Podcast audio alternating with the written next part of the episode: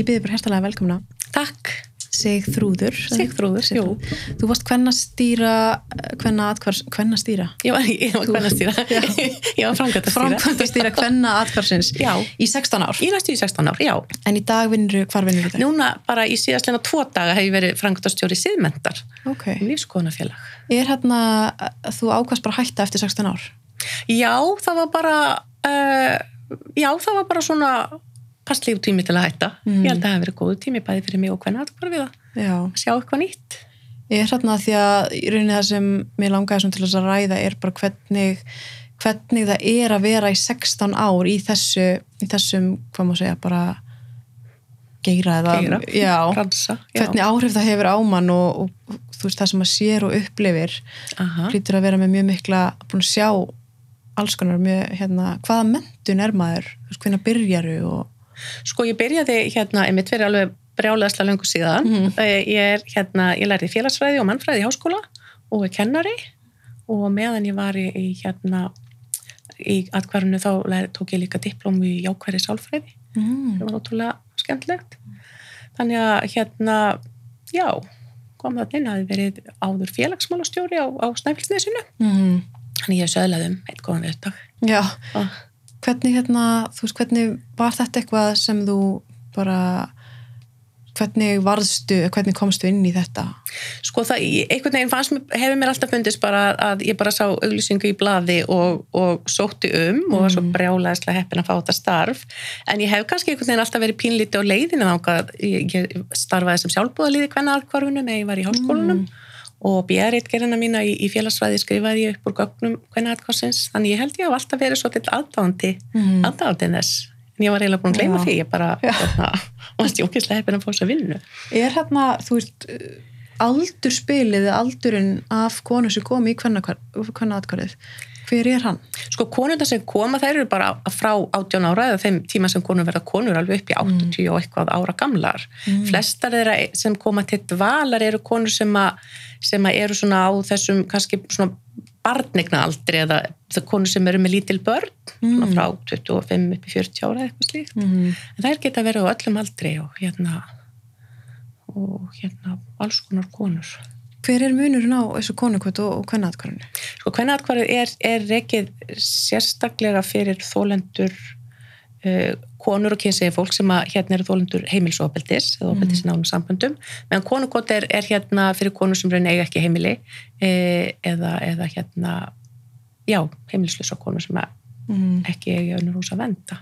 Já, en það er gist alveg í hvernig atkvarðinu og Já, hvernig atkvarðið er endar á, á, á ótrúlega skemmtilegri siglingu. Það verður hérna gaman að fá að fylgjast með því í, úr, úr fjarlæg líka. Hérna bara, sem sagt, þjónustu það er allt, allt, allt mögulegt að breytast. En hvernig atkvarðið er heimili fyrir konur eða, eða tímabundi heimili fyrir konur og, og kynsegi fólk og börn þeirra sem að hafa þurft að flýja heimili sín vegna ofbeldis en það er líka rekin gríðarlega mikil þjónustu bara fyrir konur sem ekki þurfa eh, hérna yfirgefa heimili sín en, en, en þurfa aðstóð vegna ráðgjöf og stuðning vegna ofbeldis í nánum samböndum mm. Það er held ég verið það sem að vex mest Mm. í, í hérna þjónustunni. Er þetta mikið erlendum konum líka? Konurna sem þau velja þar eru alltaf mikið elenda konur, já. Mm. Það er líklega vegna þess að það er eiga bara síður í önnur hús að venda heldur en, heldur en íslenska konur Mm. þegar það þurfa að flýja heimilin sín. Eh, en ef maður horfir á allan hópin þá er langstæstu hluti íslenska konur. Íslenska konur Já. geta kannski fleka bara ég þurft að flýja heimili mitt og, og myndi ekki leggja neitt í lífsættu við að flytja inn til dóttur minnar eða sýstu minnar eða einhverja vinkonu þá myndi ég gera það. Mm. en ef ég væri í Kína þá myndi ég sannlega ekki gera það þá myndi ég, myndi ég eða, eða einhverju öðru landi Mm. Er þú veist hérna eins og það mikið fólki gerir ekki grein fyrir sko magnið af konum sem koma já, eins og þú veist ári hvað eru margar sko það er kannski sko, sem koma til dvalar eru kannski svona einhver staðar á bilinu 120 til 140 konur sem búa þar Vá. með svona kannski 100 börn með sér en svo eru einhverju hundruðir kvenna, 300-400 konur sem kom í viðtöl eða stuðningshópa eða eitthvað slíkt þetta er svona að mikið greiðlega mikið, mikið á konum samt bara pínlítið hluti kvenna sem, a, sem að búa við ofbeldi mm. Var einhver svona aukning í kringum MeToo-bylgjurnar var einhver svona Sko það já, það var aukning í svona í, í, í viðtalstjónustu hérna konunum Mhm. Þa, það, það er bara svona þjónusta sem hefur sko aukist sko bara milli ára í talsveit langan tíma Mhm. e, dvalakonuna það er svona meira það er svona minni sveiflur þar það hafa samt verið að fjölga svona frekar en hitt Mhm. Er eins og þú veist hversu illa hvað sem að staddar eru konunnar sem veist koma.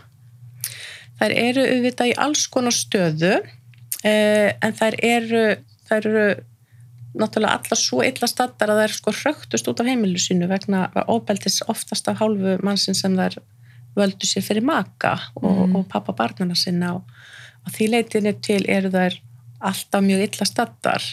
Oft hafa þær líka bara búið lengi við óbeldi og, og hérna það er búið að hafa kannski bara mikil áhrif á allt þeirra líf mm.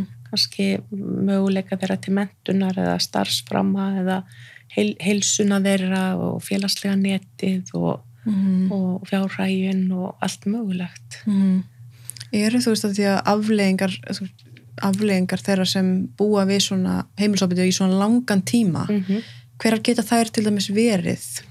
Það geta verið bara svona bara rauninni allt mögulegt og ef maður setur sig í, í, bara í þessi spór einhvern veginn að lifa í, í hættu ástandi heima hjá sér Mm. við kannski niðurlægingu s- stöðugt eftirlit og takmarka frelsi og, og hérna og það líka með ofbeldi yfirvofandi einhvern veginn kynferðslegt ofbeldi þegar þegar það hendar þeim sem maður býr með og kannski það sem maður stingur líka oft sárt sko ángist barnalamann sem maður hefur ekki einhvern veginn ber ekki gæfa til þess að forða út úr þessum aðstæðum þá getur það bara lagst bara á, á konur Mhm. og, og, og hérna líkamlega og andlega Mhm. auðvitað sem sagt nándin í, í, í heimilisofbeldi en nándin í, í hérna ofbeldi í nánum samböndum er þegar, þú veist, snildin þar er, er nándin Mm. að það er hægt að brjóta niður með svo litlum litlum tilkostnaði af því að við komum til þekkjast svo vel Mm. þannig að, að hérna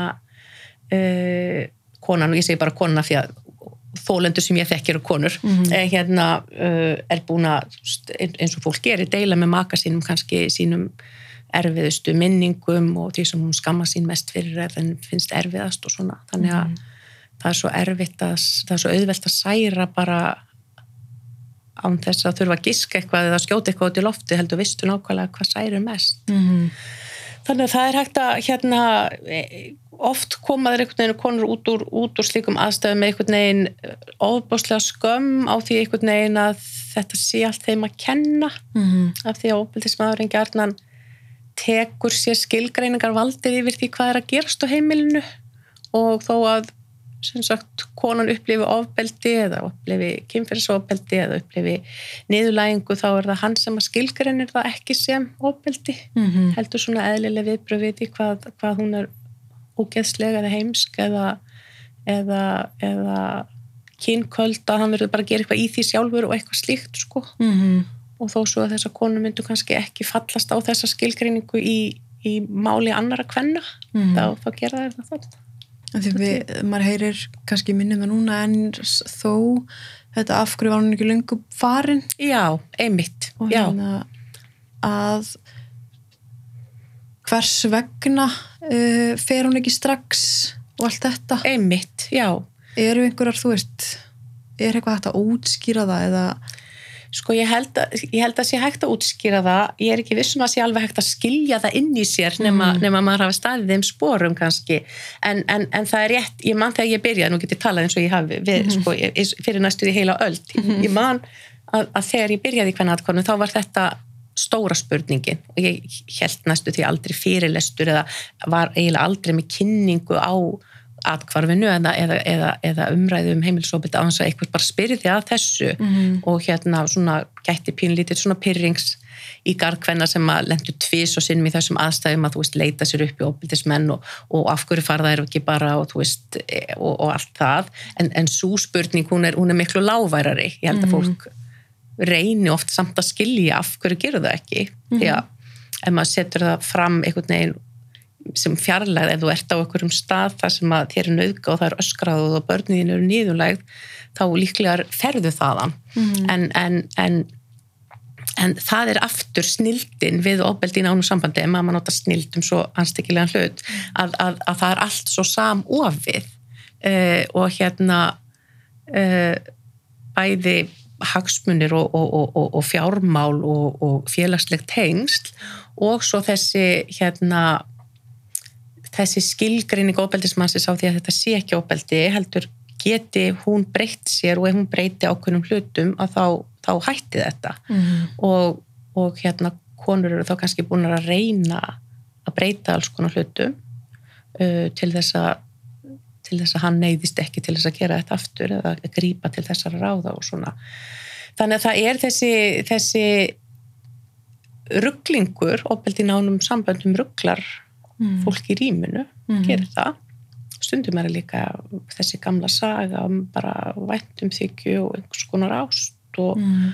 og börnin og, og hérna þetta niður brotað það mun aldrei spjaraði án mín og hérna það mun aldrei neitt elskaði annar og ég mun degja þú ferð og eina konar sem skilur mig og, og hérna alls konar þannig að mm.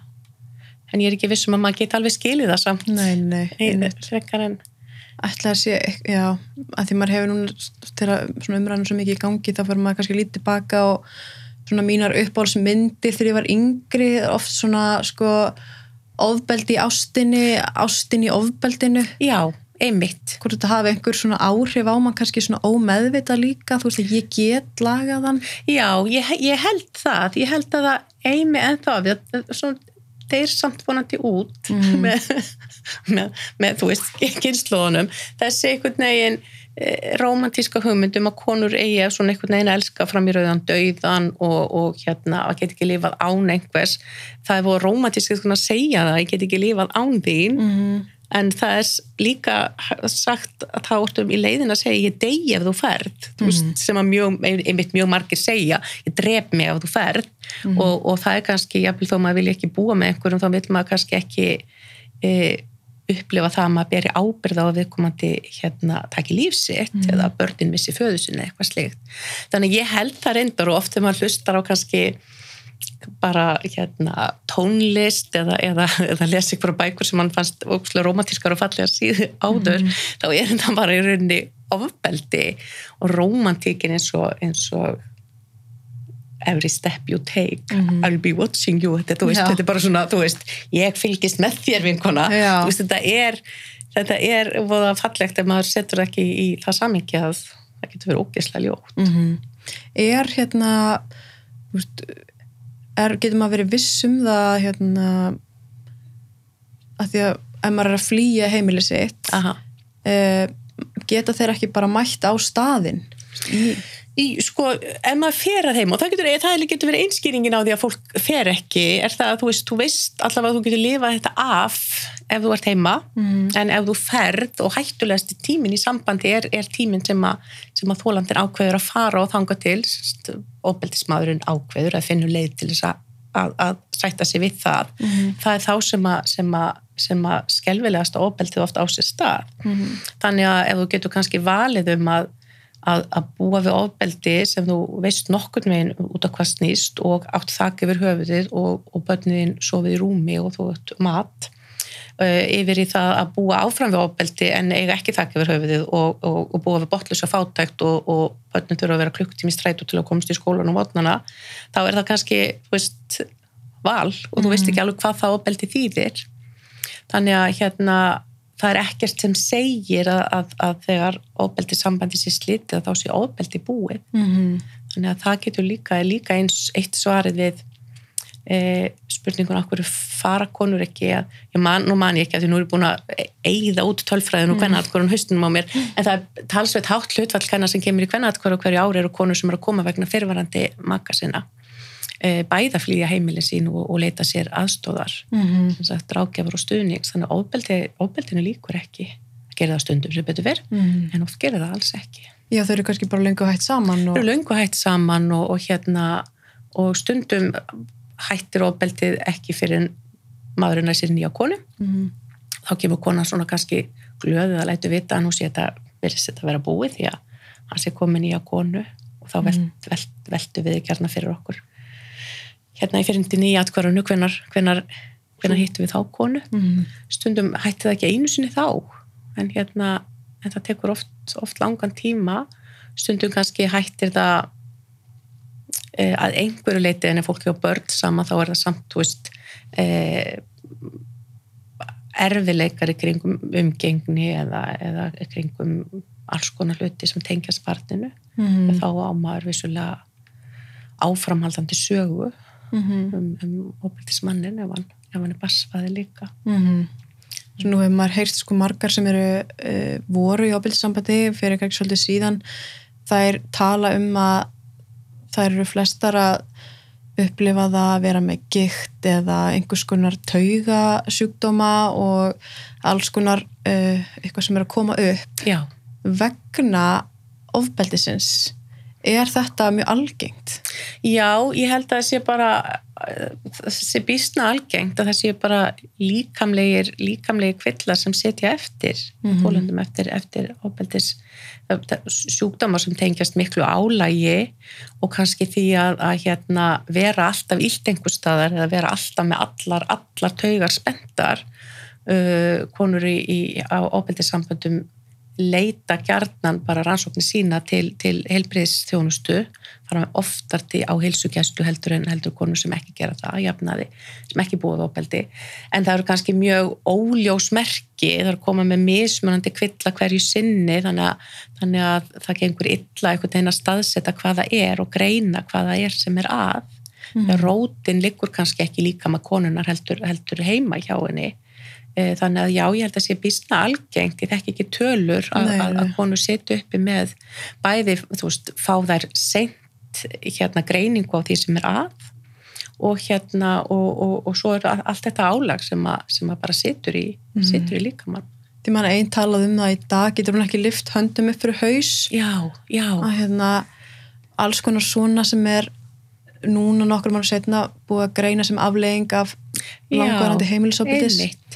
Og hvort að þetta sé eitthvað sem er svona nýlega verið að greina eða hvort þetta hafi alltaf verið eitthvað sem er vitað Ég held að það hafi verið vitað um, um sagt eh, þessa kvilla sem að hérna, hérna fylgja konum. Ég held kannski að það hafi kannski minna verið alveg svona ljóst nákvæmlega hver þessi tengsl voru mm, en, en, en hérna en það, er, það hafi verið talað um það lengi að, að sem sagt óbeldi setja eftir í Mhm. líkamannum og það er svo lógist ég hugsaði um það í hérna, hérna sumar ég var að ganga upp hérna inn á, inn á fjallabakju, eitthvað sem heitir uppgöngur hekkur og er ræðilegu staðu fyrir loftrætt fólk. Mhm. og maður er svolítið lengi yfir.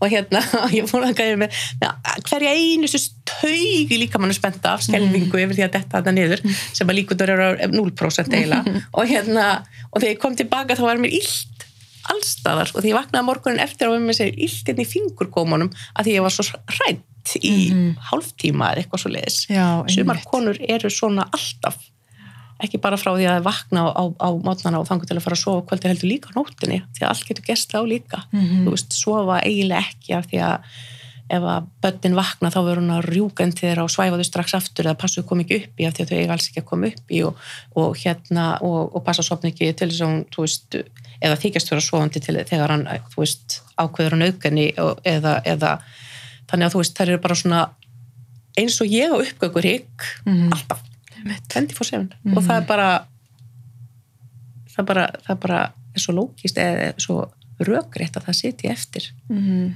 kannski eftir 30 ára á uppgöngur hygg það er ekki sko þetta er að því sko þegar maður, þegar maður heyri svona þú veist hvað mikið, maður getur auðvitað ekki ímynda sér allt það sem gengur á og bara hvað konur þurfa að lifa við og, og aðrir að hérna, þú talar um sko 300, hvorki 300 manns eða eitthvað sem koma á, í kannadkvarðið já, svona 100 á eitthvað konur sem komið til dvalar Já. og svo 300 konur sem komið að til þetta er allt bara venjulegt fólk. Já, þetta er bara venlögt fólk sem er samt að flýja mjög óvenjulegar aðstæður. Mm, bara venjulegir menn. Já, þeir eru hérna sko það var einu sinni kona fyrir það svona tíu ár síðan sem að, sem að fór í gegnum að gera mastersritgerina sína og fór í gegnum hérna, það sem við vissum um, í komuskíslum um, um, um karlana sem konur komu í hvernig hverju vegna. Og hún skoðaði mentun þeirra á stöðu og vinnumarkaði og bara það sama við mynd hagstofunar á mentun, karla á Íslandi og stöðu þeirra á vinnumarkaði. Og það er myndur, veist, þau kökuritt fjallu bara næstu því alveg saman. Á því leiti er þetta bara hinn bara típiski maður. Mm. Uh, og þeir eru á öllum aldri og, og, og í alls konar, alls konar stöðu en, en eru óvenjulegir sem betur fyrr á, mm. þennan hátt að, að, að já, vera stærst ógnin í lífi makasins og barna mm -hmm. Er eitthvað að þú veist er fá þeir einhvern hefur það komið þú veist að kannski að þeir leiti sér aðstóðar eða Já, það er, það er til úræði sko það eru til alls konar alls konar fólk sem hjálpar fólki sem vil, vil horfa öðruvís og lífið og, og, og, og ná mhm. stjórna og hegðun og slikt en það er eitt sérstaklega úræði sem heitir heimilisfriður sem Já. er sérstaklega sérstaklega búið til fyrir fólk sem beitir óbeldi í fjölskyldum sínum og vil hætta því og, og það hefur síns sig geta, geta hjálpað mikið til mm -hmm. vandin er kannski sá að til þess að færi gegnum það úrræði þar maður að skilgreina ástandi sem óbeldi mm -hmm. og, og, og sjálfa sig sem mannesku sem beitir óbeldi og vilja breyta því og ég held að það sé kannski stæðsta hindrunni sé svo að þessi menn sjáu þetta ekki þannig mm -hmm. ég held að þegar, þegar konur svolítið endur spekla það sem að þeir segja við þar, þetta er ekki beilinis ofbeldi, þetta er svona erfitt samband og, og, og ég er nú sjálf engin engill og alls konar svo leiðis og, og eru þá raunin að bergmála það sem að þeir hafa sagt, mm -hmm. karlarnir eh, ég held að þeir sé ekkit að ekkit að skrökva eða búa eitthvað til þegar þeir segja þetta, þetta er þeirra upplifun mm -hmm. sem verður svo, svo flókið Ég myndi að því, ég man eftir að hafa sittið með stelpu í viðtali sem var sko fjóruða kærastan sem hann hefði, hefði beitt ábyldi og hún sagði sko hérna mér svo, mér svo ósangjant að að þú veist, ég fái hjálp en næsta kona sem hann verði með þarf verið líka hjálp og svo já, næsta og svo næsta og næsta og næsta. Já, að einhvern veginn bara við erum með, þú veist, auðvitað nöðsynlega úrræði fyrir konur og einmitt. þarft en einhvern veginn erum við bara þetta er plástur að vanda, já, já, já. Ég held að, þá, það, ég held að það sem eitt sem okkur hafa kannski mistikist að því að það hefur svo margt gerst í þessum, þessum bransa, búið að segja mm. það það er svo mikið, það, það, það meira fjö veitt í, í hérna í svona aðgerð vegna óbeldis heldur en áður hefur verið, það er alls konar úrræði, en oftast eru það úrræði sem að, sem að lúta því að aðstóða þólendur til þess að komast í burtu eða, eða, eða, eða hérna jafna sig eða koma aftur til sjálfsín eftir, eftir opbeldið sambandið en það er miklu minna gert bæði í forvörnum mm. og því að koma bara í vekk fyrir að, að, að fólk lendi í þeirri aðstöðu að, að þetta sé valið sem það tekur að beita fólk hérna sína nánast opbeldi og því aðstöða þá sem er í þeirri stöðu mm. þannig að ennþá er þetta mjög svona þólenda miðað stuðningskerfi sem er mjög mikilvægt mm sannarlega en það er ekki það er ekki rót vandans mm -hmm. það, ég held okkur hafið sem samfélagi ekki alveg tekist að, mm -hmm. að horfa nógu mikið í þá átt Er eitthvað svona hægt að er til eitthvað svona viðverunar kerfi á Íslandi þar sem að þú getur tilkynnt með mögulega veist, ég held að þessi heimilisopið að þessu og það er flaggað og þið látið vita eitthvað svona Sko það er náttúrulega, sko ef það eru börn á heimili þá er barnavendakerfið og barnavendatilkynningar sem, sem að geta verið slíkt kerfi mm -hmm. e, þegar það eru ekki börn þá er það þá er það í rauninni ekki e, fólk getur auðvitað tilkynnt já, þú veist, þú, þú getur kallað til öðruklega ef þú heyrir eitthvað vera að gerast á í, í, þú veist, íbúinu við hliðin á þér eða eitthvað slíkt mm -hmm. e, en ef þú ert bara svona að tilkynna áhugjur, ég veit ekki hvernig það þú veist, er gert hjá lauruglunni kannski, þú veist, ef að nógu margir tilkynna eða tilkynna mm. nógu ofta og haldir það en ég held að sé ekki samt mikið frumkvæði að, í að gera neitt í því ef að, ef að hérna, það er ekki til neitt mér vitanlega neitt, neitt mm. ferill fyrir slíkar áhugjur Þegar það ekki oft líka ákveðin hætta ef einhver tilkynir og lögregla mætir að ofbeldismarinn getur orðið reyður? Það getur auðvitað alls konar gerst en kannski aðalega bara held ég að lögreglan mæti ekkert nema, nema þú veist að þessi kalla vegna, Mhm. vegna hérna þess að eitthvað er að gerast akkurát núna Mhm. og þá þetta getur verið bæði hafa lögurglum en oft sagt frá því að þú veist þá er bara svolítið erfitt að meta það hvað er að gerast á heimilinu getur verið uh, kallin getur bara opna alveg sallarólegur og áhyggjufullir yfir í að konuna sé bara ykkur æðiskasti og, og fyrir þá sem koma bara inn og eiga líta, líta hlutlusum augum á málið þá hafa þér oft sagt að það er erfitt að gera sér grein fyrir hvað er að gerast Mhm. uh, þannig að nei, ég held að það sé ekki neitt svona kerfisbundið Nei. kannski skriðum við í þá átt Mhm. sem samfélagi tímann. En af- aftur á móti þegar eru börn á heimilinu þá ekki bara getum að tilkynnt heldur ber manni skilda til Mhm. að tilkynna til barnavendar ef, að- Mhm. ef maður hefur ástæðu til að ætla að það sé óviðunandi aðstæður á heimilinu sem að óbeldi á heimilum er Mhm. Er það mikið um það, eða, er það að konur komi og dvelji í langan tíma en fari jafnvel aftur, flytja aftur inn til? í, í hvernig atkvarfinu uh, nei, það minkaði milli hérna á, á, á, á tímanum mínum sem ég var þar ekki vegna þess að ég var þar heldur. Heldur vegna þess að hérna, það, bara, það, gerist, já, það gerist alltaf auðvitað alltaf öðru kvoru og konur þurfa bara oft margar tilrunni til þess, að, að slíta þessu lausar.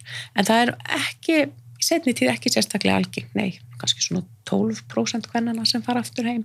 Já, ok. flestar þeirra skila sér held ég bara svo aftur í atkværi fljótlega og langt flestar slíta sambandinu á endanum Mm en bara eins og aðrar stórar ákvarðanir og, og, og sásökafullar ákvarðanir þar maður kannski nokkuð til, tilhaup. Mhm. Hvað er maður að dölja lengi? Er það eitthvað misjöft? Sko það er misjamt, já, alveg frá bara einum degi eða dagparti og upp í kannski 10-11 mánuði. Meðaltali held ég að konur hafa verið að dvelja undanfærin ári í mánuð Mm en, en svo eru erlendu konurnar dveldu lengur en íslensku konurnar og konur með börn dveldu, dveldu lengur en, en ballusu konurnar. -hmm. Þannig að erlendu mömmurnar voru oft svolítið lengi. Já. kannski af því að íslensku konurnar áttu kannski frekar einhvern til þess að þekktu frekar einhvern sem var að leiða út herbyrgi eða eitthvað slíkt Mm og, og svo getur maður svona frekar krassað á sófanum hjá vinnu sína með maður ekki með barna skaran í Mhm. eftir drægi þannig að það var kannski stundum svona praktist praktiskar ástæði fyrir því En hvernig er það fyrir þig, þú veist, andlega og að, að vera í 16 ár og allt þetta sem maður sér að hvernig leggst þetta á mann? sko sko fyrst laði þetta eiginlega ekkert sérstaklega á mig því að hérna ég, ég, ég held reynda bara að ég væri með svo halgett steinhjarta ég get alveg, þú veist, ég get Mhm. alveg mér gætt þótt mjög leitt að konur væri eða fólk væri í erfiðum aðstæðum en, en það fór ekkert sérstaklega inn í mig sko Mm uh, mér fannst það bara uh, sá svo, eða þú veist, ergilegt og, og, og, og mér fannst, ég laði mig fram við þess að, að reyna að lagfæra hluti en, en það settist ekki í mig. Svo var ég fyrir næstu sjö árum síðan þá var ég amma og þá breytist ég eitthvað svona mjúkt og, fór að finna til. Og hérna og, og hérna uh, þá var það sásukafyllra sérstaklega þegar kemur að aðstæðum barna. -hmm.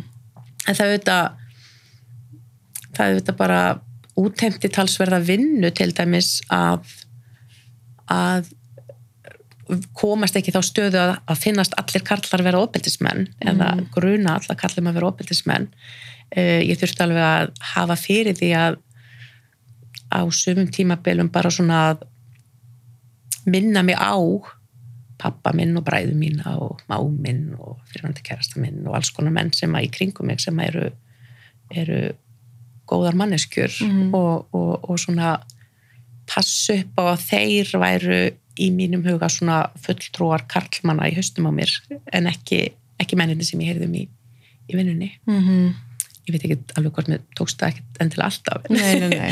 en, en það, var, það var ákvörðun sem ég, ég, mér fannst ég verða að taka Mm annarkvort einhvern veginn að fara bara í þá átt að upplifa allir karlmenn séu opilsmenn og hafa alla svona undir þeim grun þanga Mhm. til annað kemur ljós eða þá að halda mig við hinna, -hmm.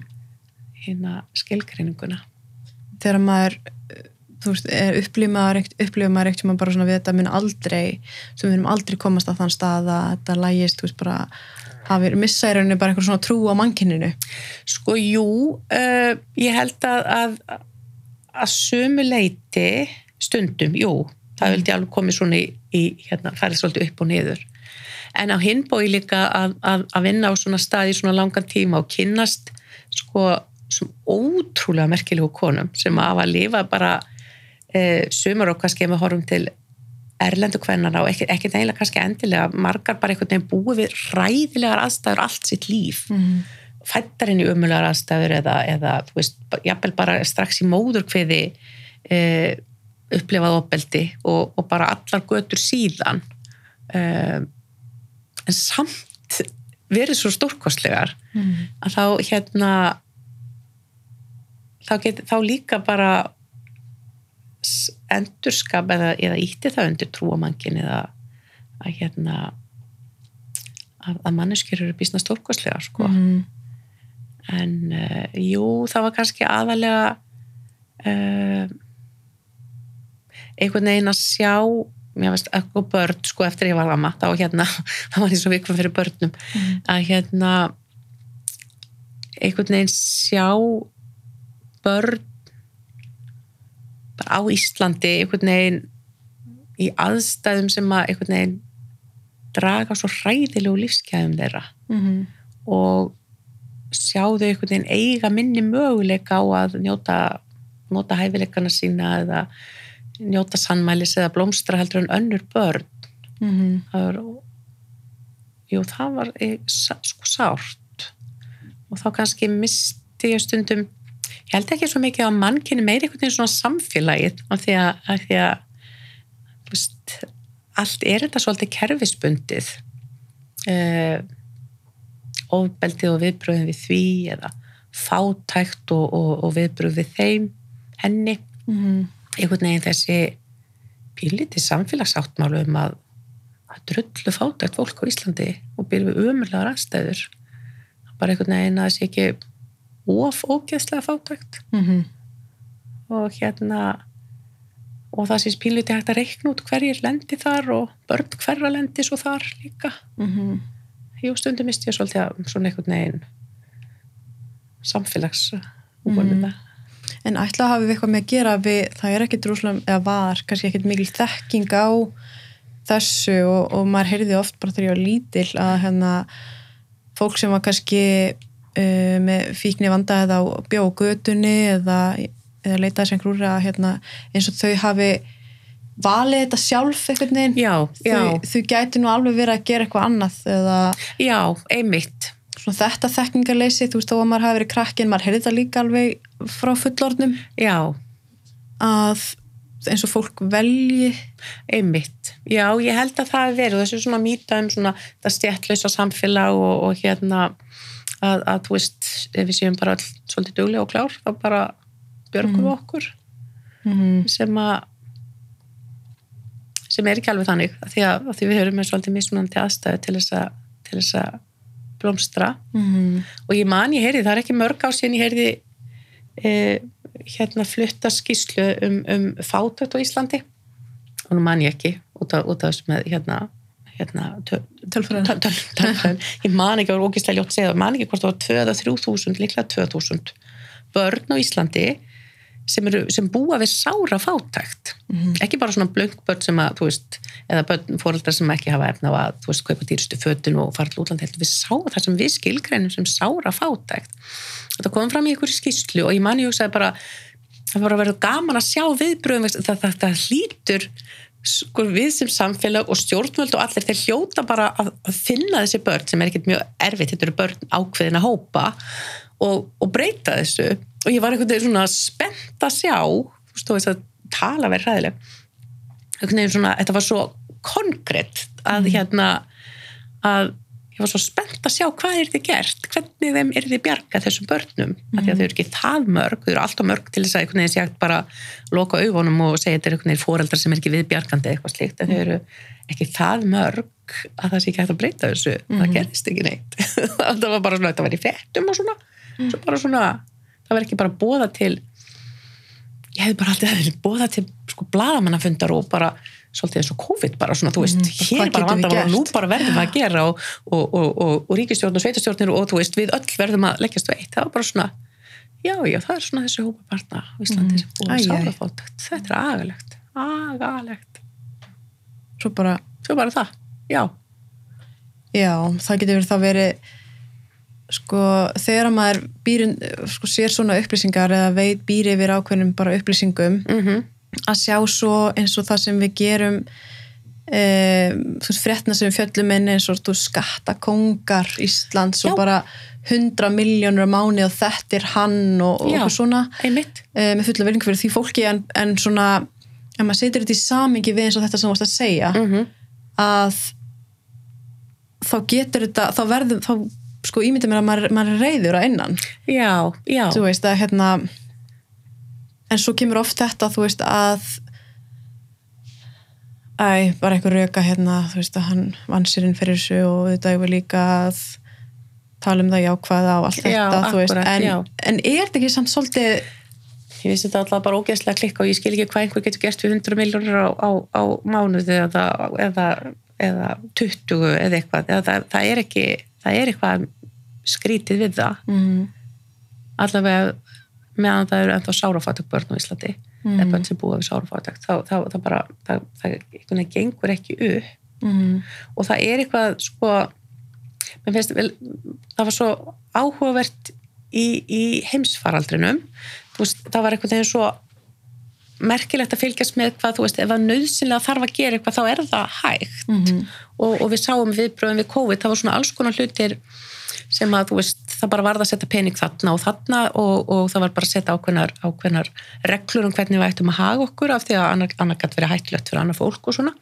Og mér fannst það svo merkilegt að sjá allar þessar fjallaða takmarkanir og, og, og, og fjölda takmarkanir í, í tengslu við þú veist, nálgunabann og brottvikninga heimili og svona af því að það er bara svona ógeðslega erfitt að fá nálgunabann jáfnvel þó að lögin séu býstna skýr og fólk brjót, rík brjótuðu hvað eftir annað þá samt er það einhvern veginn ofmikill ofmikill hérna inngrip í þitt líf að þú fáir ekki að standa næla- nær en 50 metrum nálagt mannskjönu sem er samt skelving og lostin þú sér þig Mhm. og hérna og hefur fulla ástæði til þess og hérna og svo er allt í henni eitthvað bara svona já, og þú varst í útlöndum, nei það voru bara að vera inni hjá þau næstu tíu dagan og mátt ekki fara út. Og allt í henni var það bara svona eðlilegt að því við vorum einhvern veginn að berjast við sameilan óvinn og vorum að standa saman og eitthvað svona.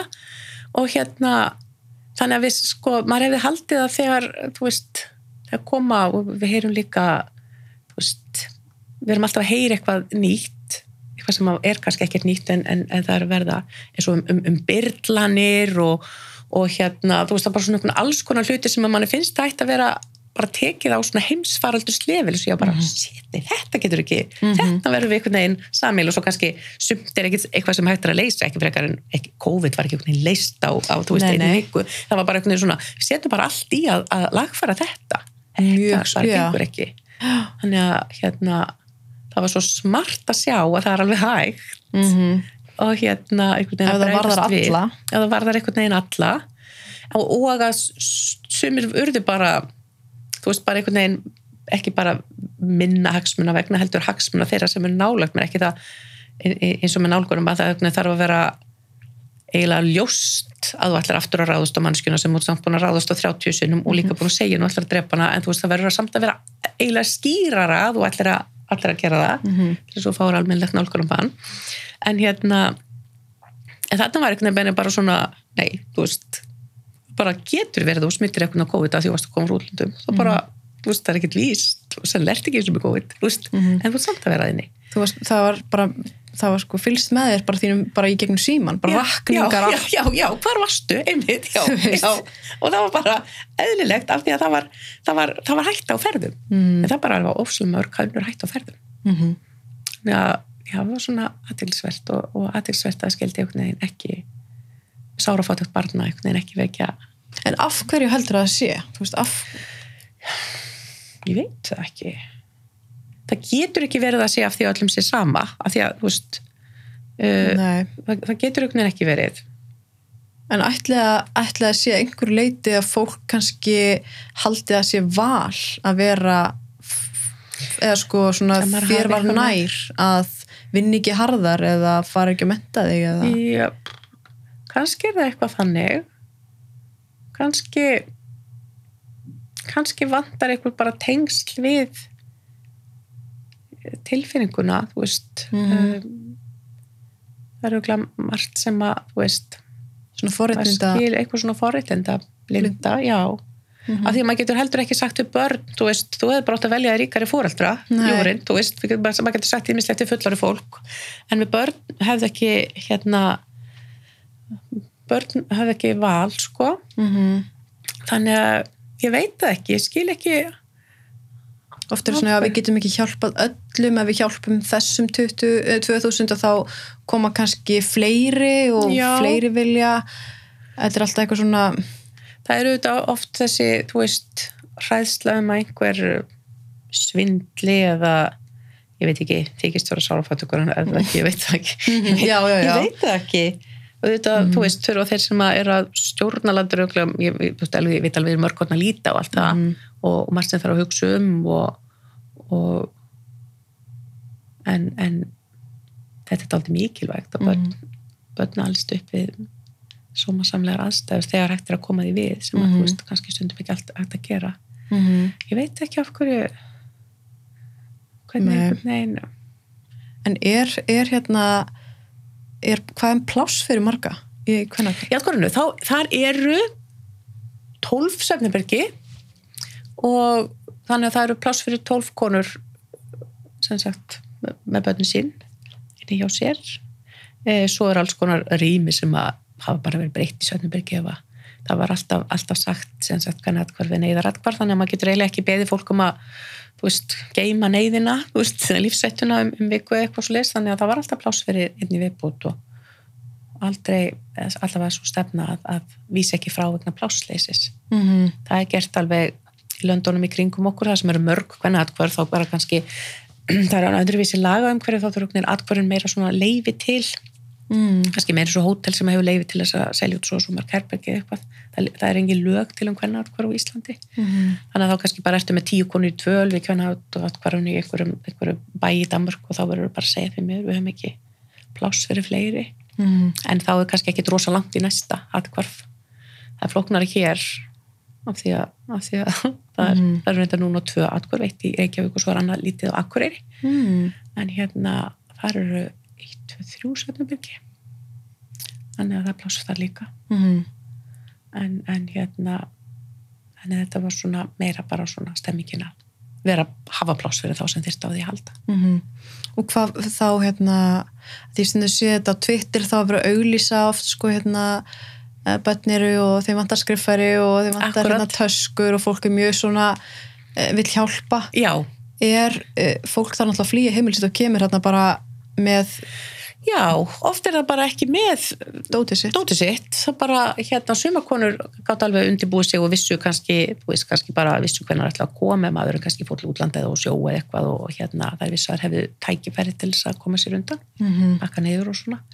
En sumar bara, stundu komuðar bara beint úr aðstafanum og bara með börni beint úr rúmanum og, og svo bara skóli á morgun og hérna oft var það reynda þannig og er örglæna að hérna lauruglan fór heim með konum og svona stuttu þær við að fara heim og, og, og sækja hluti sem að augljóslega voru þeirra fötin Mhm. þeirra og, krakkana og svona en sumar vildu það ekki og, og stundum var kannski dóti tínt þegar það Mhm. komið ánga og svona Mm -hmm. þannig að og það var eitt af því sem var svo ótrúlega skemmtilegt það var þetta þessi, þessi ótrúlega einhvern veginn tilfinning að, að fólk þannig úti þætti óskaplega vænt um hvernig aðkvarfi og, og vildi leggja sér þetta mörgum Mhm. þannig að ég bjóð til á Facebook bara, ég kallaði það sníkjudeildina af því ég var alltaf sníkjað alltaf sníkjað eitthvað og hérna var svona auðveldast að gera bara svona sinni prívat síðan því að þekkti ég fólki og, og, og svona Mhm.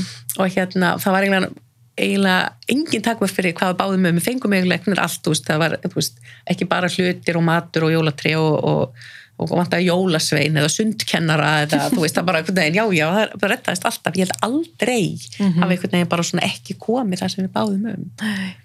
Það var alveg með ólíkjöndum er ekki einhver regla að má ekki vita hvar Jú, það er hérna, það er svona ekki ofinbert hvernig það er. Mm -hmm. ég, ég hef nú svona tilfinninguna að fólk getur nú komið staði að það ætla sér það Mhm. eh, og, og kannski ofbeldismennir oft fyrstir til en það er samt á svona ákveðu öryggistilfinning og, og, og svona prívat tilfinning í því að, að hérna að vissu það ekki allir Mm -hmm. ég var alltaf að vona að ég myndi vera nógu lengi að til þess að við gætum bara, þú veist settu bara skilt og sagt hér er hvernig þetta hverfið mm. og konur kemur þangað jafn örgar og, og, og svona og sem sagt glaðar með sig og svo bara að maður fætti tannlækni segi klippingu eða eitthvað en ég náði því ekki. En það verður kannski ekkert tíma kannski. Því að þá ekki að vera skömmi yfir því að vera þar og öryggið á þetta að vera tryggt mm. með öðrum hætti heldur en nafnlind og í mannstundu ég var að segja kannski kollegum mínu frá London eða Sankti Pétursborg þú sem kom í heims og til Reykjavík og ég var að segja já, ég neini, hér erum við á svona leinilegu adressu. Og þeir voru bara, þú veist,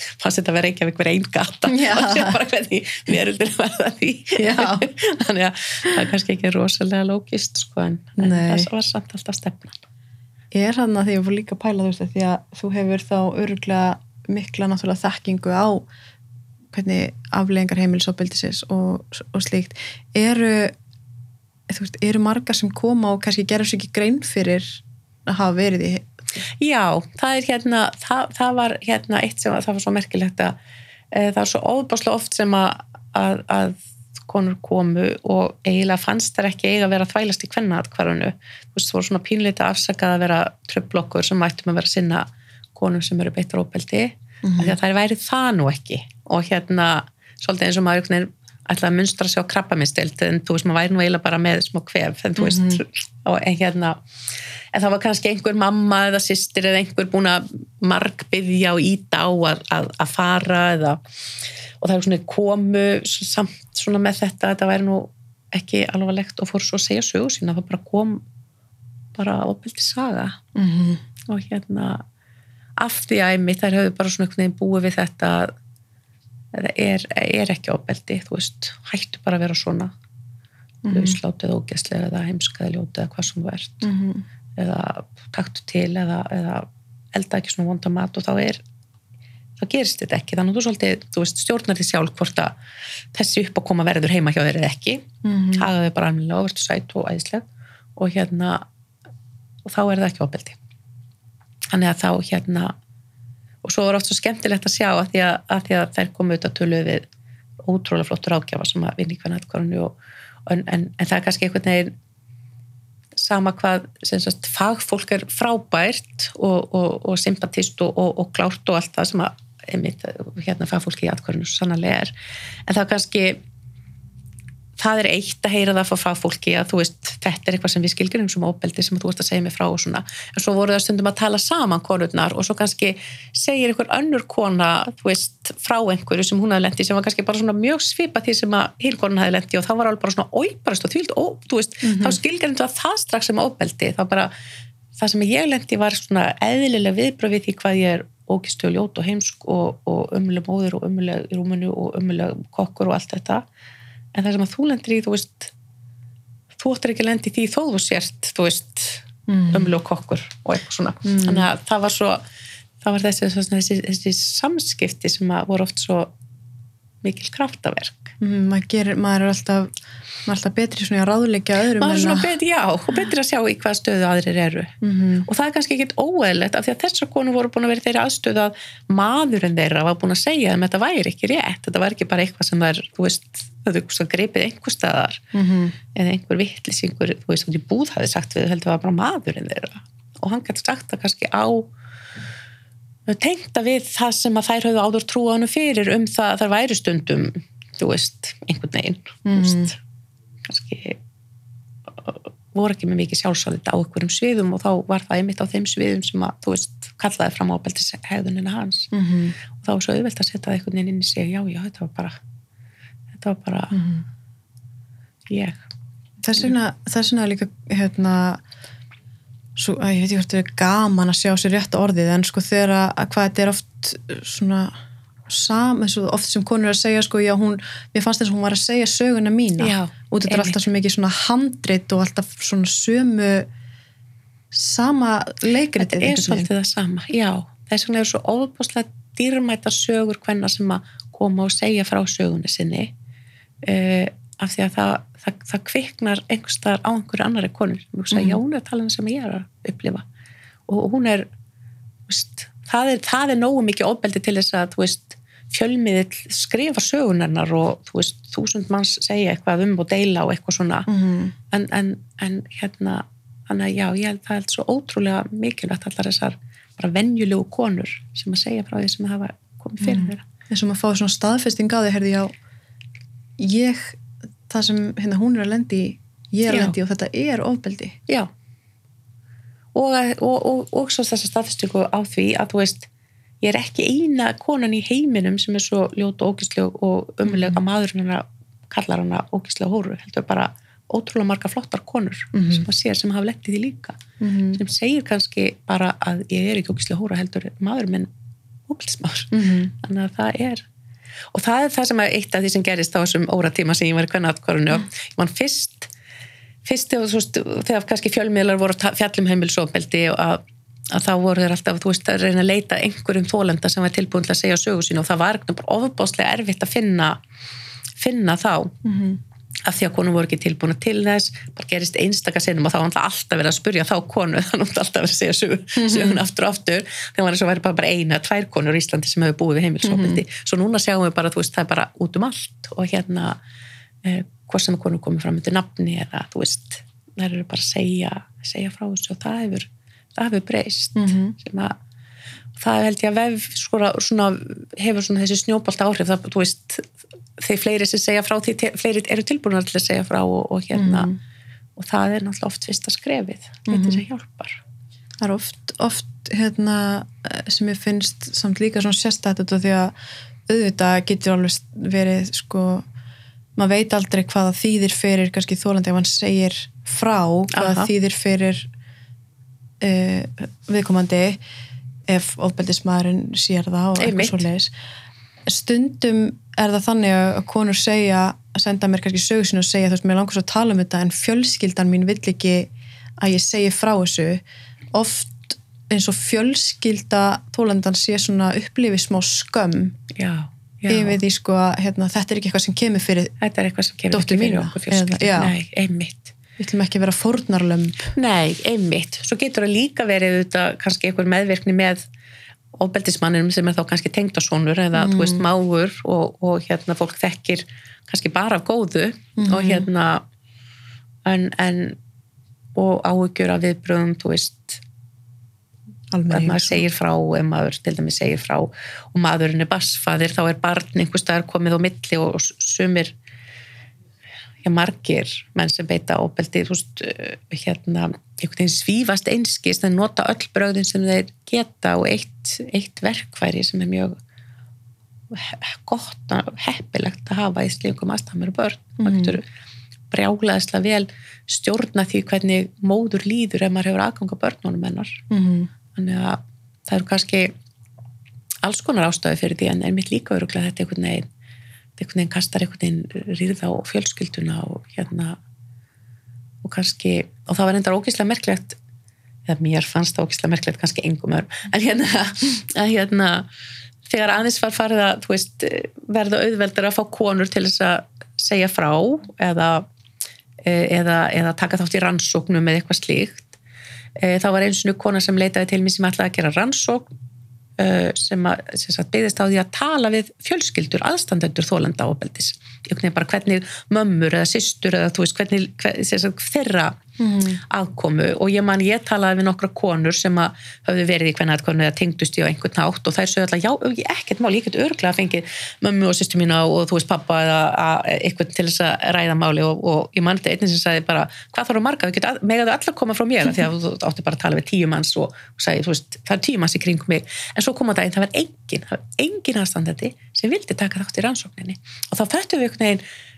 við höfum ekki, þú veist þó að þessar konur hafi verið búin að vinna sig út úr skömminni og, og, og, og alveg tilbúna til þess að fólki þeirra tæki þetta og þátti ekki að koma fram ofinberlega, þátti bara að taka þátt í svona vitalsansók en það voru aðstofnarnir ekki búin að hrista það einhvern veginn af sér ekki kannski skömmina yfir því að það var átt þennan óbeldisfulla tengd og svona eða má heldur, heldur kannski Blanda sér. hvað segir fólk um mig sem Já. átti dó, dóttur sem bjó í tíu ári óbeldissambandi þú veist, af hverju Já. gerði ég ekki neitt og hvernig gæti ég verið svo vittlis og sjá ekki og hlýtur að hafa séð þetta og eitthvað svona þannig að það var alveg ný tegund af skömm Mhm. sem að við höfum ekki eins og hugsa sérstaklega úti og ekki, ekki heldur þessar konur sem að, sem að voru alveg til í að nippi í fólki sitt Mhm. en fólki var ekki alveg tilbúið innmitt En er þá er þetta hérna, það er líka talað oft um sko þegar aðstandur stíga fram að segja þú veist,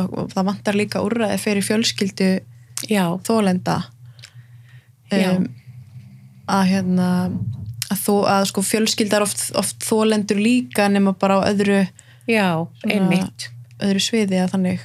Já, og þá verður einhvern veginn óhjókvimilega krísa í fjölskyldu, þú veist, uh, ef að, ef að, sem sagt, segjum svo bara til dæmis, veist, eigir, eigir barn sem er í óbyrdi sambandi, uh, en þið getur bara þótt mjög vænt um tengdasoniðinn eða tengdabarnið þitt mm. og fundist hann vera, þú veist, góður tengdabonur og góður pappi og svo allt í hennu er hann búin að beita konuna sína ofbeldi og þú hugsa kannski, já, já, þú veist, ég bara held áfram að elska hann sem fyrirhandi tengd og svona minn og svo stið ég hérna dóttur mína, en dótturinn sem sagt getur ekki upplifa það sem eh, hún upplifur það sem, sem sagt, vantraust á sig að, að tengdasonurinn sé enda á einhvern veginn partur af fjölskyldunni eða, veist, kannski Mm. upplifir að, að fólki mitt á að standa með mér þegar fólkinu langar mest til þess að einhvern veginn eiga báða en þá og hérna það, það verður, verður krísa Mm. eða þá að maður vera að hatast út í viðkomandi sem er samt pappi barnabarnanamanns eða, eða þú veist Mm. pappi sískinabarnanamanns eða eitthvað þannig að bara ógeðslega flókið. Mm. þess vegna ætti að banna óbeldi í svo fjölskyldum. Það er svo flókið. Þess vegna kemur líka hendir svona varpar fólk oft svona slengir fram þessu sko á bara útskúfan þrátt fyrir já, þetta. einmitt, já, einmitt. Að takan hérna- af, takan af lífi. Takan af lífi og svo leiðis þetta svona, já. En á sama tíma er kannski fólk getur nú alveg stutt getur alveg tekið afstöðu og, og, án þess að taka lífi. Á, já, án þess að taka lífi. já, einmitt. Og svo leiðis en, en þú veist eins og núna þegar þú ert hætt hjá, hvernig, langa er eitthvað svona tilbaka, hugsaðu eitthvað um að Nei, uh, nei, ég er nú eiginlega alltaf þannig mannski að mér finnst alltaf best að vera það sem ég er. Mhm. og hérna, þannig að nei, það var, það var svo rétt sko þegar ég var að taka þessa ákvörðun þá hérna þá svona fór ég alveg frá því að bara langaði mjög mikið til að hætta ég bara fann það bara að mín vegna var það orðið tímabært mm og svo þegar ég fór svona tilbaka með það og mér langar svo að vera áfram að því að þú veist það er oft svo útrúlega skemmtilegt þá var það samt svo auðveld ákvörðun af því að ég fann alveg það orðið tímabært að, að hvenna atkvarði fengi nýtt bara, Mm. bara nýjan koll þarna inn -hmm. þannig að, og þá var þetta ekki ekkert að rökraða þannig frekar því að hagsmunni hvenna atkvarðs eru náttúrulega að, ganga fyrir mínum hagsmunum Mm þannig að nei, það er, þú veist, ég á eftir að sakna og ég vil að vera í þó, þó þetta sé sorglegur bransi að vinna í, þá er þetta ofsalega skemmtilegu bransi, það er mikið að skemmtilegu fólki þarna, sem ég á eftir að sakna mig mikið, ég á eftir að sakna uh, heimilis lífsins þessara ótrúlega kvenna sem, að- sem að kom í kvenna atkvarfið og ég fekk að kynnast Mhm. og, og hérna uh, en, en nei, nú er þetta bara kapli sem er búinn. Og ég Mhm. er ó, ofbóðslega þakklátt fyrir að þetta var ótrúlega forréttindi. -hmm. og það var eina ástæðan fyrir að þetta var eitthvað svo rétt af því að mér fannst að maður ekki að vera framkvæmtist þér að hvernig að hvað nema maður sé þakklátt fyrir það hverjum einasta degi. Og það sem er leiðilegt sem er alltaf eitthvað Mhm. það sé svo bara smávægilegt með að við, þú veist, gleðina og stoltið að ég fá að sinna þessu starfi. Og þegar ég, ég var árið svona pílu til var mí þannig að hérna, Mm. koma sér í burtu þannig að nei, Mm þetta var bara rétti tíminn -hmm. ég var ótrúlega heppin, ótrúlega lengi og, og held ég heppin að fatta aðeins og undan öðrum að minn tími var komin sko. Mhm. þannig að ég, hérna, ég fatta bara kortar og undan öðrum að, að það var líka gott fyrir gott fyrir atkvæða ég. Mhm. Finnst þér eitthvað svona breytingar? Þú veist, finnst þér þetta síðan þú byrjaðir auðvitað síðan þú byrjar en svona hægt og rólega finnst þér þetta að vera, þú veist, að einhvern veginn bara umræðan í samfélaginu og, og þú veist, aukin fræðsla, aukin Já. vitundavakning sko, umræðin í samfélaginu algjörlega og maður kannski tekur ekki eftir því nema þegar maður hugsa tilbaka og ég, ég, og ég man eftir sko, ég man eftir augnablikinu það bróði minn sem fannst ég alltaf ógislega aðglisjúk og alltaf að tróða mér í fjölmila og svona hann sagði út við mig sagði hann, það var einhver kettling í, sjónvarpinu að tala um heimilisofbeldi og það veist ekki þú, hver var það, sagði hann. Ég var bara, ég veit það ekki og, veginn, og það, af því að fram að þeim tíma hafði það bara verið þannig, þú veist Mhm. eitthvað svar að spyrja einhvern, þá var það bara svona eðlilegt að spyrja framkvæmtastýru hvernig aðkvæmsins og svo, svo kom bara allt í einu einhver kona, þú veist, auðvitað var ekki alltaf ég sem fór í viðtöl en Mhm. ég vissi þó oftast af því að því ég sagði þá kannski neðan betra að tala við þessa eitthvað svo leis, Mhm. en ég vissi að þessari umræðu, þannig að þegar það kom bara eitthvað, kettling Mhm. í sjónpinu að tala um heimilisofbeldi og ég vissi ekki einu sinni hver hún var og hérna þá var það hérna og núna eru bara verið að tala um heimilisofbeldi á, og ofbeldi ekki að konum á ofbáslega mörgum stöðum og ofbáslega margar margar rattir og, og hérna þannig að það hefur alveg svona það verið kúvending þar. Mm. og, og ég heyri það líka alveg á bara sem sagt viðbrögðum fólks svo við rættum á þetta af hverju hún fer ekki það er ekki, það er ekki lengur veist, fyrsta spurning alltaf. Eh, og já, það, það, er, það er miklu meiri meðvitund. Mm. í ljósi þess hefði maður kannski haldið að að sem sagt ástandið þetta einhvern veginn að batna. Það er ekki endilega neina vísbendingar beinlínis um það Nei, að ofbeldi hafi minkað og, og kannski getur að vera á einhvern nátt skilgrængaratrið og þú veist, einhver þröskuldur lækkaður einhver, en það eru engar sérstakar vísbendingar um að, um að allt þetta bras mm. hafi skilað, skilað okkur endilega því, hefur skilað því að veist, það er auðveldar að stíga fram og það er auðveldar að fá þjónustu. En ég er ekki vissum að hafi skilað því að það sé ólíklegra að fólk sem eru börn í dag beiti ofbeldi þegar þau eru fullorðin. Og stundum hugsa ég um hvernig aðkvæður verður 40 ár á þessu, það eru 40 ár um þessum myndir síðan hvernig aðkvæður opnaði fyrst það var eitt sem ég hugsaði, að ég missi að veislunni? Því að þú veist það verður hérna, 40 ár í, í desember. Hérna, og hérna uh, og ég er á stundum að hugsa um hvað er alltaf að hafa hugsað, hvað er allir konunda sem að þú veist bara opnuðu hvernig aðkvæður bara sínum eigin höndum einhvern veginn ótrúlega mikla kraftakellur Mm.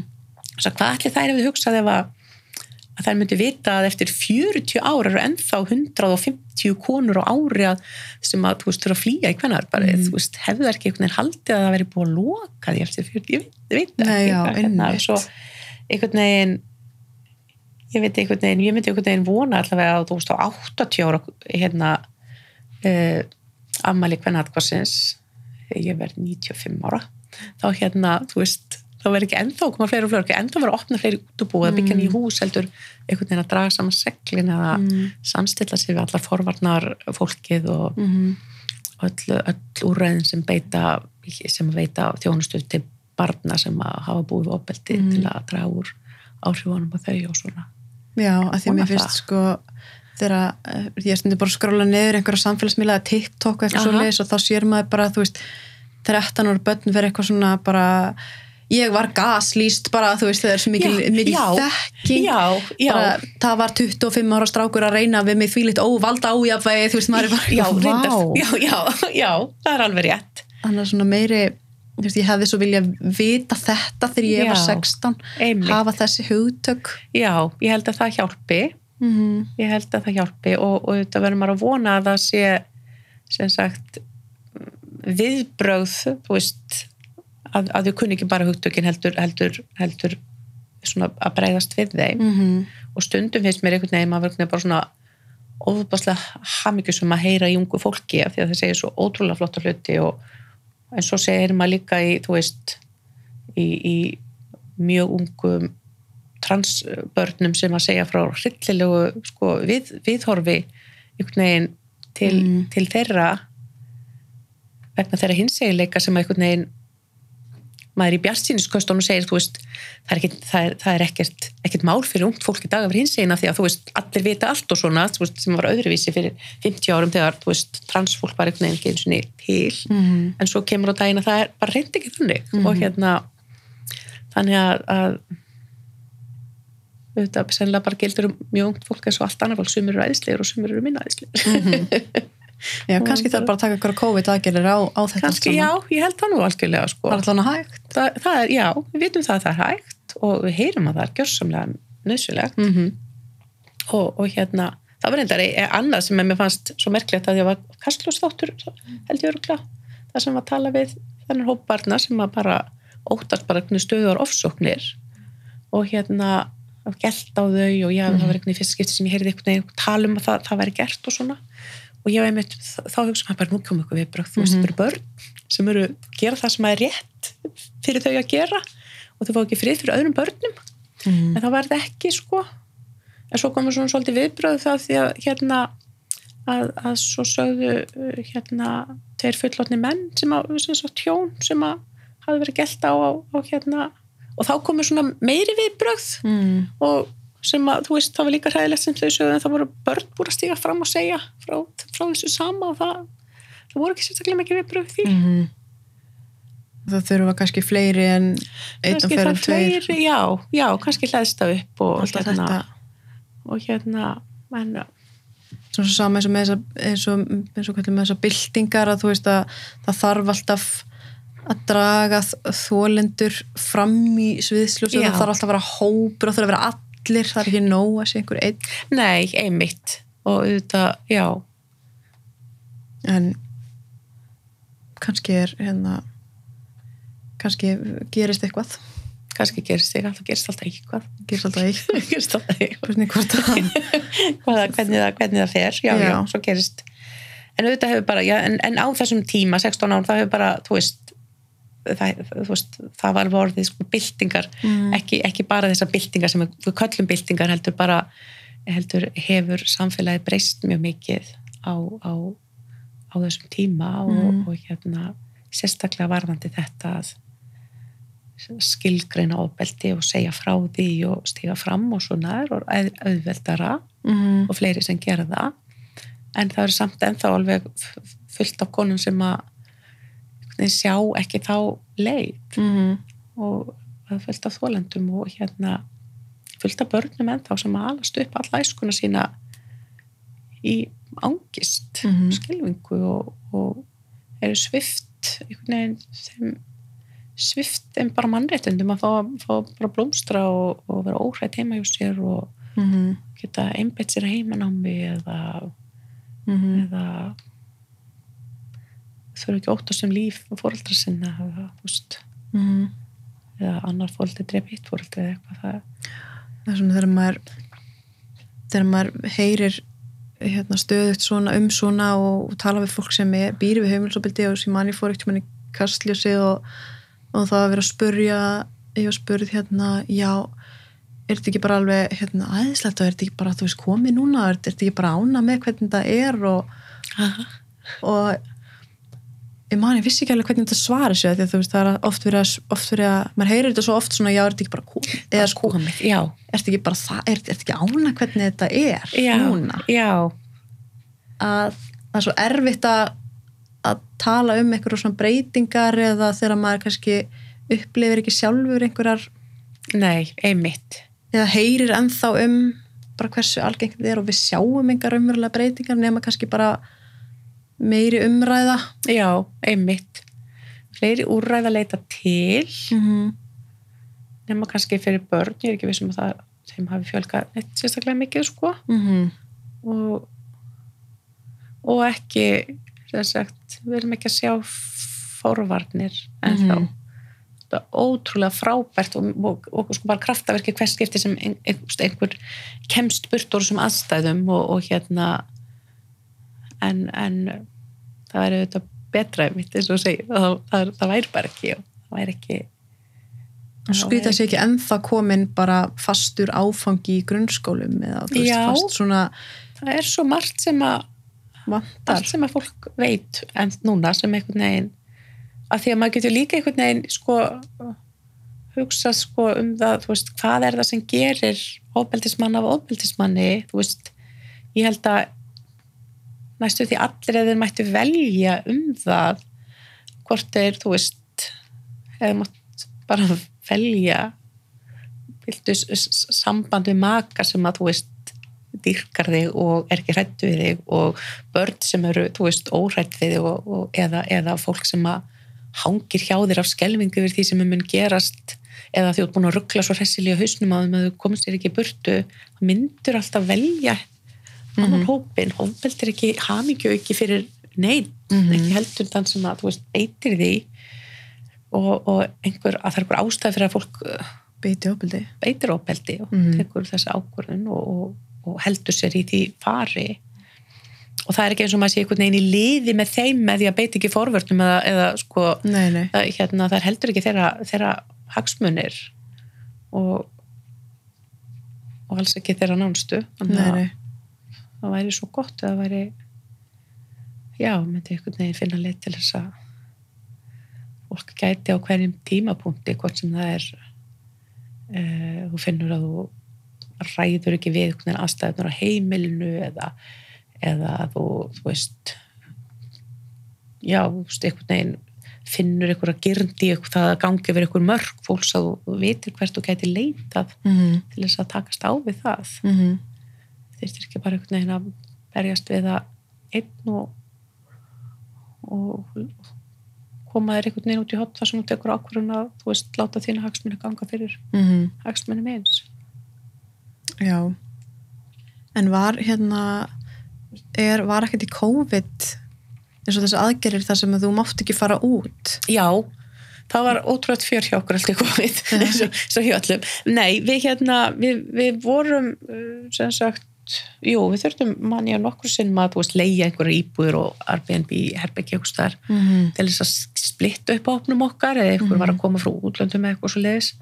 En hvenna að hvað var ekki skilgreint, það var eiginlega skilgreint sem heimili. Já, Þannig að ok. við þurftum ekki að, að telja, telja Nei, inn nei. út, en við reyndum alltaf að fækka fækka á vaktinni og, og hérna viðtöl voru alltaf tekin bara í bara í síma eða tölvu og, og það vorum alltaf að taka einhverjar einhverjar ákvarðanir sem einhvern veginn í dag eru svo absúrt og ég var þegar ég var að hætta og var eitthvað að, þú veist, að taka til tölvunum minni og senda nýju frangtastýrunni, þú veist, það sem hún þurfti að hafa þá rakst ég á einhver svona minnisblöð síðan í COVID eitthvað, næturvaktin fer strax klukkan átta og hinn kemur og segja hvað vitlis var þetta, þú veist, þetta er eitthvað svo absúrt af hverju var ég að skrifa þetta? Einhvern einhvern veginn það voru eitthvað svo margar astnalegar aðgerðir og eitthvað, þú veist, allir er með grímu innan hús og allir svona var svo fljótur að gleyma Já. hvernig þetta var. Svo, af hverju var ég með að segja þetta, af hverju er maður nættvögt að fara klokkan átt hún getið til kortir yfir og þannig að Það verður ekki, öruglega ekki gripið til sömu aðgerað aftur, ég. kannski ekki, ég veit það ekki.